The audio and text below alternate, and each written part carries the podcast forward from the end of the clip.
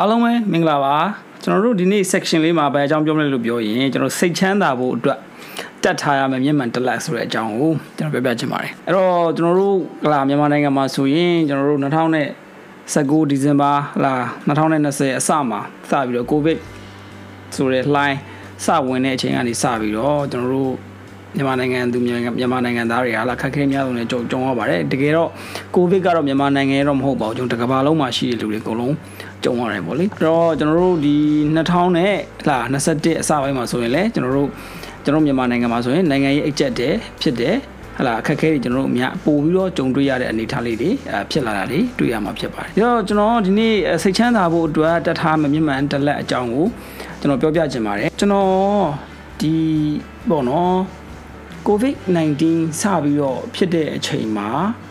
ဟလာအရန်ကိုစိတ်သက်ကြပါတယ်။ ဘာလို့လဲလို့ပြောရင်ကျွန်တော်2020မှာဆိုရင်ဟလာကျွန်တော်တို့အဲကျွန်တော်နိုင်ငံခြားကကုမ္ပဏီနဲ့ပူးပေါင်းပြီးတော့ဟလာကျွန်တော်လုပ်ငန်းတွေထက်ချက်ကိုကျွန်တော်ပြင်ထားရရှိတယ်။ဟလာကျွန်တော် application တွေပါတယ်ပေါ့နော်မြန်မာနိုင်ငံခရီးသွားလုပ်ငန်းမှာဟလာအသုံးပြုလို့ရမယ့် software တွေပါတယ်လုပ်ပြီးတော့ပေါ့ဟလာလုပ်ပြီးတော့လုပ်ဖို့အစီအစဉ်လေးတွေပေါ့ဗျာအများကြီးရှိတဲ့အချိန်မှာကျွန်တော်ကိုဗစ်ထပ်ဖြစ်အချိန်မှာရန်စိတ်သက်ကြပါတယ်ဘယ်တော့လဲမခံမရနိုင်ဖြစ်ရတဲ့အချိန်တွေရှိပါတယ် အဲ့တော့ကျွန်တော်ဘယ်ကိုရောက်သွားလဲလို့ပြောရင်ကျွန်တော်စာတွေစာလိုက်ဖတ်ဖြစ်တယ်ကိုကိုတိုင်းမအောင်ပေါ့နော်မအောင်နေပြီးတော့ကျွန်တော်စာဖတ်တယ်ကျွန်တော်လုပ်ငန်းနဲ့ပတ်သက်တာတွေလည်းဖတ်ဖြစ်ပါတယ်အဲ့တော့အဲ့ထဲမှာမှကျွန်တော်လေ့လာဖြစ်တဲ့အထဲမှာဒီ behavioral economic ဆိုတဲ့ဘာသာရပ်ပေါ့နော်ကျွန်တော်တို့ဗမာလိုပြောမယ်ဆိုရင်တော့အပြုအမူဆိုင်ရာဘောဂဗီဒါလို့ပဲခေါ်နိုင်မလားအဲ့တော့မသိဘူးကျွန်တော်တို့မြန်မာနိုင်ငံမှာအတိအကျကျနဲ့ဘာသာပြန်ထားမျိုးတော့ကျွန်တော်သိချလေးမတွေ့ရသေးပါဘူး အဲ့ဒီဘာသာရပ်မှာကျွန်တော်ပြောချင်တဲ့တခုကဘာလဲလို့ပြောရင် relativity ဆိုတဲ့အကြောင်းကိုကျွန်တော်ပြောချင်ပါတယ် relativity ဆိုတဲ့သဘောကဘာလဲလို့ပြောရင်ကျွန်တော်တို့လူသားတွေထဲမှာမသိစိတ်ထဲမှာကိုကကျွန်တော်တို့မှာရှိနေတဲ့စိတ်တစ်ခုရှိပါတယ်အဲ့ဒါကတော့နှိုင်းရှင်ပြီးတော့ဆုံးဖြတ်တဲ့အကျင့်ရှိပါတယ်အဲ့တော့ကျွန်တော်တို့ကတခုခုကိုဆုံးဖြတ်တော့မယ်ဆိုရင်ကျွန်တော်တို့နှိုင်းရှင်ပြီးမှသာပဲရွေးလေးရွေးထားရှိပါတယ်ဆိုလိုချင်တဲ့သဘောကတော့ဥပမာ ဟလာကျွန်တော်တို့နိုင်ငံမှာဆိုရင်ဒီ COVID-19 ဖြစ်တဲ့အချိန်မှာဟလာကျွန်တော်တို့နိုင်ငံဒီဆင်းရဲတယ်ဒါလူတိုင်းသိတယ်ဟလာဒါပေမဲ့ကျွန်တော်တို့နိုင်ငံကအစီအပွားရေးလုပ်ငန်းရှင်တွေလူတွေအကုန်လုံးတက်နေတယ်များလူကြတန်းကြနဲ့ဟလာကျွန်တော်တို့ဒီ COVID center တွေဘာတွေမှာဆိုရင်ကောင်းကောင်းမွန်မွန်နဲ့ဟလာလုပ်ပေးနိုင်တယ်သို့တော့ဟလာဒီစားတဲ့အစားအသောက်တွေဒီမကောင်းဘူးပေါ့နော်အဲအဲ့လိုမျိုးတင်တဲ့ကိစ္စလေးတွေတွေ့ကြရမယ်တချို့ကြတဲ့ဒီလောက်လှုပ်ပေးနေတာကိုနားမလည်ဘူးလားဆိုပြီးတော့ဟလာအဲ့လိုမျိုးလေးဖြစ်ကြတာတွေလည်းတွေ့ဘူးပါလိမ့်မယ်ဒါကဘာပြောလဲလို့ပြောရင် သူတို့ကဗယံနဲ့နှိုင်းရှင်လို့ပြောရင်တခြားနိုင်ငံတွေပေါ့နော်မစင်ကာပူတို့ဒါမှမဟုတ်တခြားအနောက်နိုင်ငံကြီးတွေမှာအဲထားတဲ့ facility နဲ့တွားပြီးတော့နှိုင်းရှင်တဲ့ခါကျတော့ဒီလိုမျိုးဖြစ်တာပေါ့အဲ့တော့ကျွန်တော်တို့ဒီမှာဒီနိုင်ငံရေးအကျက်တဲဖြစ်တဲ့အချိန်မှာကျတော့ covid တတ်တူငွေကျွန်တော်တို့ကြုံရတယ်ဆိုတော့အဲ့ခါမှာကျွန်တော်တို့ဘာဖြစ်လဲလို့ပြောရင်ဟလာအဲ့မှာအဲ့ဒီနေရာမှာဘယ်လိုတွေထားလဲဆိုတဲ့ဓာတ်ပုံလေးတွေကျွန်တော်တို့ social media မှာတက်လာတာတွေ့ရမှာဖြစ်တယ် အဲ့တော့အဲ့ပုံတွေကိုကြည်လဲကြည့်ပြီးတဲ့အခါလဲကြောက်ကျွန်တော်ဘာဖြစ်သွားလဲလို့ပြောရင်အဲ2020လောက်တုန်းကကျွန်တော်တို့ဟလာလှုပ်ပြီးခဲ့တဲ့ဟိုင်နဲ့သွားနှိုင်းရှင်ပြီးတော့ဟာအများကြီးကွာသွားပြီဆိုပြီးတော့ပြန်ဖြစ်သွားပြန်အဲ့တော့ဆိုလိုချင်တဲ့သဘောကကျွန်တော်တို့လူတွေဒီသုံးပချက်တစ်ခုခုချတဲ့အခါမှာတစ်ခုခုကိုစဉ်းစားတွေးတောတဲ့အခါမှာဒီအကြောင်းအရာတွေကိုပေါ့နော်ဖြစ်ရက်တွေကိုနှိုင်းရှင်ပြီးတော့စဉ်းစားဆုံးဖြတ်လိရှိရတဲ့သဘောလေးရှိတယ်။ဟောဒီတော့ကျွန်တော်တို့ဒီနေ့ topic ကစိတ်ချမ်းသာဖို့အတွက်ဆိုရင်ဘာလုပ်ကြမလဲလို့ပြောရင် ကိုဒီတခုခုကိုပေါ့နော်စိတ်မချမ်းမြေ့တာပဲဖြစ်ဖြစ်တခုခုကိုလိုချင်တာဖြစ်ကိုကိုတိမ်ငင်နေရပဲဖြစ်ဖြစ်ဟလာငါတော့လာဟိုအကြောင်းကောင်းကောင်းမှမတက်ခဲ့ရဘူးပေါ့နော်ဒီလိုမျိုးအဲ့လိုအတွေးတစ်ခုဝင်လာတယ်ဆိုရင်ကျွန်တော်တို့ကဘယ်သူနဲ့ငါသွားနှိုင်းရှင်နေမိတယ်လဲဆိုတော့အတွေးကိုပြန်ပြီးတော့တွေးကြည့်ဖို့လိုပါတယ်အဲ့တော့ဘာဖြစ်မလဲအဲ့တော့အဲ့လိုတွေးလိုက်မယ်ဆိုရင်ကျွန်တော်တို့ကโอเค ကျွန်တော်တို့မြန်မာနိုင်ငံသားအဲ့ဒါကိုကျွန်တော်တို့စင်ကာပူမှာမွေးတဲ့လူဒါမှမဟုတ်လည်းအနောက်တိုင်းမှာမွေးတဲ့လူတယောက်ရဲ့ရပိုင်ခွင့်တွေနဲ့သွားနှိုင်းရှင်လိုက်မယ်ဆိုရင်တော့ကျွန်တော်တို့တေချာပေါက်ကျွန်တော်တို့အားနေနေမယ်ကျွန်တော်တို့နှိမ့်ကြတဲ့ပုံစံဖြစ်နေမှာပဲ အဲ့တော့ကိုဒီဟဲ့လာတာမန်ကျောင်းလေးတစ်ခုမှာကိုဒီကျောင်းတက်ခဲ့ရတယ်ဟဲ့လာတငယ်ချင်းရတဲ့ international school တွေပါဒီမှာပေါ့နော်မိတ်ဆွေတခြားအသည့်တွေကကိုယ့်ရဲ့တငယ်ချင်းတွေတက်ခဲ့ဘူးတွေပါညာအဲ့တော့သွားနိုင်ရှင်ကျွန်တော်တို့ကဘာဖြစ်သွားပြီလဲဆိုရင်စိတ်တက်ကြပါပြီစိတ်ကမချမ်းသာတော့အဲ့လိုမဟုတ်ဘဲနဲ့ကျွန်တော်တို့ဟဲ့လာကျွန်တော်တို့နိုင်ငံမှာဆိုရင်လည်းဝေးလံခေါင်တည်တဲ့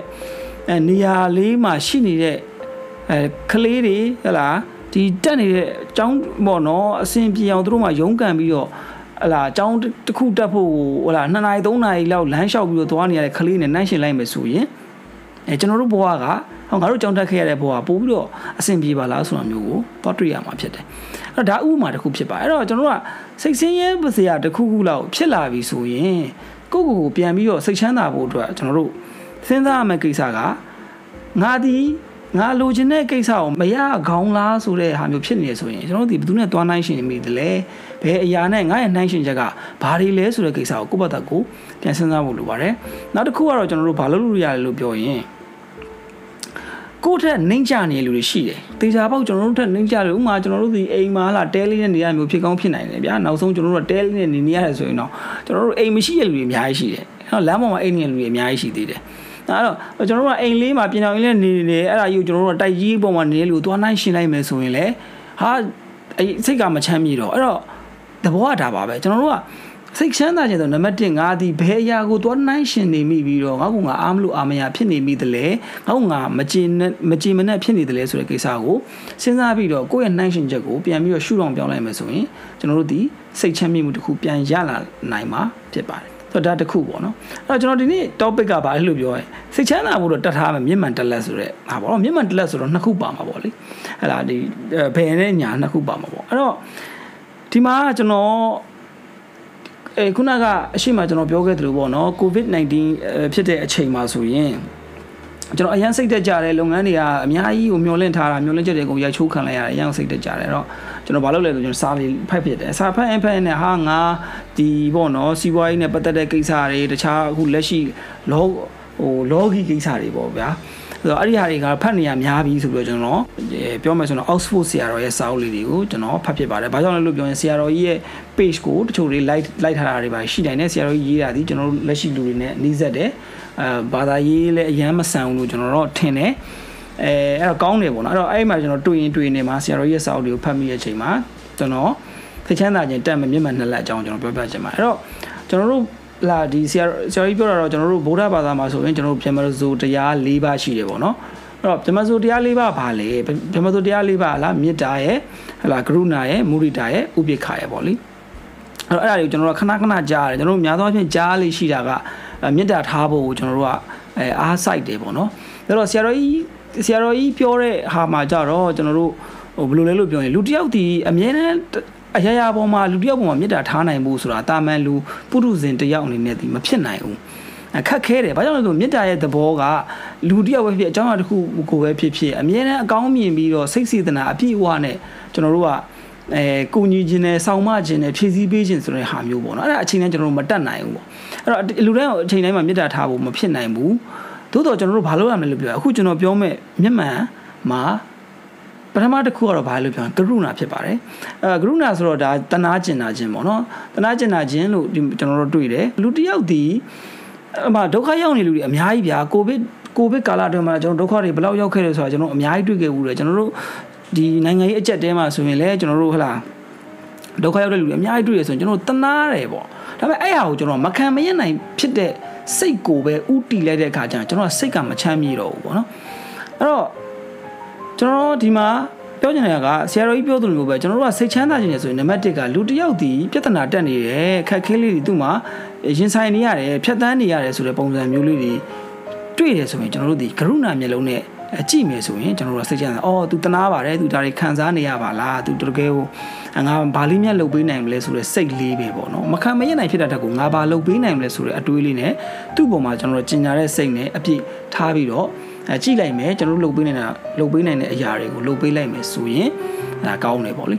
နောက်တစ်ခုကတော့ကျွန်တော်တို့ကဘာလဲလို့ပြောရင်ကျွန်တော်တို့ရှိမှာခုနကပြိုင်ဘက်တွေဒီအောင်မြင်တာပဲဖြစ်ဖြစ်ကိုနဲ့ငငယ်တွေကဟလာဟိုတွန်းတွန်းတက်တိုက် သွားခဲ့တဲ့လူတွေအဆင်ပြေနေဝက်မြင်ရဖြစ်ဒါပေမဲ့ကိုယ့်ရဲ့လုပ်ငန်းတူချင်းချင်းပဲတရားရောက်အောင်မြင်ရဖြစ်ကျွန်တော်တို့စိတ်ထဲမှာစလုံးစနောက်ဖြစ်တတ်တဲ့သဘောရှိပါတယ်ဒါလူပဲလူပဲဖြစ်မှာပဲအဲ့တော့အဲ့ဒီအရာတွေကျွန်တော်တို့စိတ်ကိုပို့ပြီးတော့ပူလောင်စေတယ်ဟလာပို့ပြီးတော့ကျွန်တော်တို့ရဲ့အတွေးတွေကိုမှားသွားစေလို့ကျွန်တော်တို့ပြောလို့ရမှာပေါ့နော်အဲ့တော့ဘာလုပ်ကြမလဲလို့ပြောရင်ကျွန်တော်တို့ကမူရီတာပွားတတ်ဖို့လိုပါတယ်တဲ့အဲ့တော့ ဆရာကြီးကပြောတာကတော့လူတယောက်ဒီတခုခုကိုဟလာအောင်မြင်နေတဲ့လူတယောက်ဒီအဆင်ပြေနေမြင်တယ်အော်သူဒီလိုမျိုးလေးအဆင်ပြေပြေလိုက်တာဆိုဝမ်းသာပီတိဖြစ်တဲ့စိတ်အဲ့စိတ်လေးကျွန်တော်တို့ကအထားတတ်ဖို့လိုပါတယ်တဲ့အဲ့တော့ဒီမှာကျွန်တော်နောက်တစ်ခုဗာလေးပြောပြခြင်းလဲလို့ပြောရင်ဆရာတော်ကြီးရေးထားတဲ့ဟာကိုကျွန်တော်မှတ်မိတဲ့လောက်ပြန်ပြောရမယ်ဆိုရင်သူက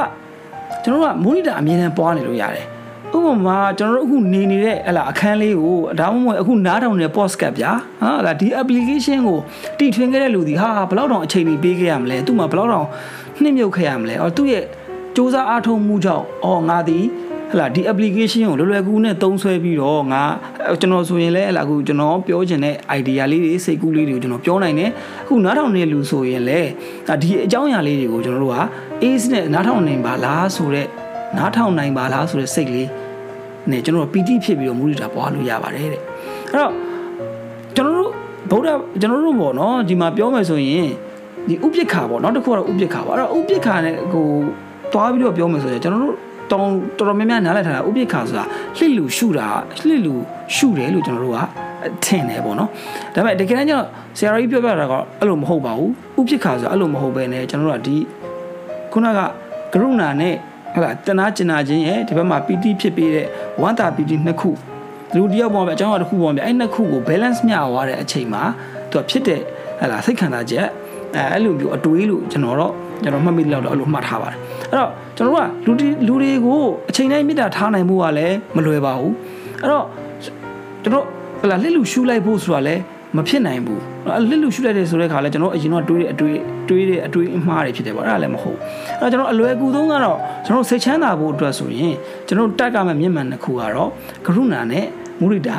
မျက်မှန်ကိုကျွန်တော်တတ်ထားမှာဖြစ်ပါတယ်။အဲလူတယောက်ဒီအစင်မပြေဘူးဟလာသူ့မှာဒုက္ခရောက်နေတာကိုကျွန်တော်တွေ့ရဆိုရင်ကျွန်တော်တနာကျင်တဲ့ဖြစ်မယ်။ကိုဒီကုညီနိုင်တယ်ကိုဒီလုပ်ပေးနိုင်တယ်ဆိုရင်အဲ့ဒီဟာကိုကိုယ့်ရဲ့ကိုထိလက်ရောက်နဲ့ action ပေါ့နော်။အဲ action ယူပြီးတော့ကျွန်တော်တို့ကူညီပေးမယ် ဟလာလူတယောက်ဒီဒါမှမဟုတ်အဖွဲ့အစည်းတစ်ခုဒီဘသူပဲဖြစ်ဖြစ်တစ်ခုတယောက်ယောက်ဒီအဆင်ပြေသွားတယ်အဆင်ပြေသွားတယ်ကောင်းမွန်သွားတယ်ဘွဲတွေဂုဏ်တွေပို့ပြီးတော့ရသွားတယ်ဈေးရောင်းကောင်းလာတယ်ဟလာချစ်သူကြီးသားနဲ့အဆင်ပြေနေတယ်ဘသူဘလို့ပဲဖြစ်ဖြစ်ဘလို့ပဲဖြစ်ဖြစ်အဲ့လိုမျိုးလေးလူတယောက်ဒီအဆင်ပြေနေတယ်တွေ့ရဆိုရင်ကျွန်တော်တို့စိတ်ထဲမှာမူလတာလေးပွားလိုက်မယ်ဆိုရင်ကျွန်တော်တို့ကအရင်ထက်ပို့ပြီးတော့စိတ်ချမ်းသာလာမှာဖြစ်ပါတယ်ဒီတော့ကျွန်တော်ဒီနေ့ postcard လေးရဲ့အကြောင်းကတော့စိတ်ချမ်းသာဖို့အတွက်တတ်ထားရမယ်မျက်မှန်တလက်ဆိုပြီးတော့ အဲဒီအကြောင်းအရာကိုကျွန်တော်ပြောခဲ့တာဖြစ်ပါတယ်အဲ့တော့ပထမဦးဆုံးကစိတ်ချမ်းသာခြင်းနှိုင်းရှင်တဲ့ဟာကိုတတိပြုဖို့လိုပါတယ်ငါ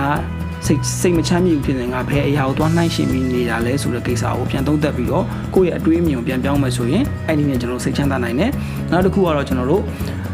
ကျွန်တော်တို့ရဲ့မျိုးလုံးမှာဟလာကျင်နာတဲ့ဂရုဏာစိတ်လေးထားပြီးတော့ဟာထားရမယ်ဟလာနောက်တစ်ဖက်ကတော့ကျွန်တော်တို့ဗာလဲတရားရောက်သည့်အဆင်ပြေတယ်ဟလာ တက်နိုင်တဲ့မှာကျွန်တော်တို့မူရီတာပွားနိုင်တယ်ဆိုရင်ကျွန်တော်တို့ဘဝတွေကပို့ပြီးတော့အဆင်ပြေလာမှာဖြစ်ပါတယ်ကျွန်တော်နဲ့အတူတူဒီ postcard လေးကိုနားထောင်ပေးလို့ကြောင်းမို့လို့ကျေးဇူးတင်ပါတယ်ကျွန်တော်ရဲ့ဒီ postcard channel လေးကို subscribe လုပ်ရသေးဆိုရင် subscribe လုပ်ထားဖို့ကျွန်တော်ကဟလာ request လုပ်ပါတယ်အကယ်၍ comment တွေပါရေးပေးခဲ့ရေးပေးခဲ့ခြင်းနဲ့ဆိုရင်လည်းရေးပေးခဲ့နိုင်ပါတယ်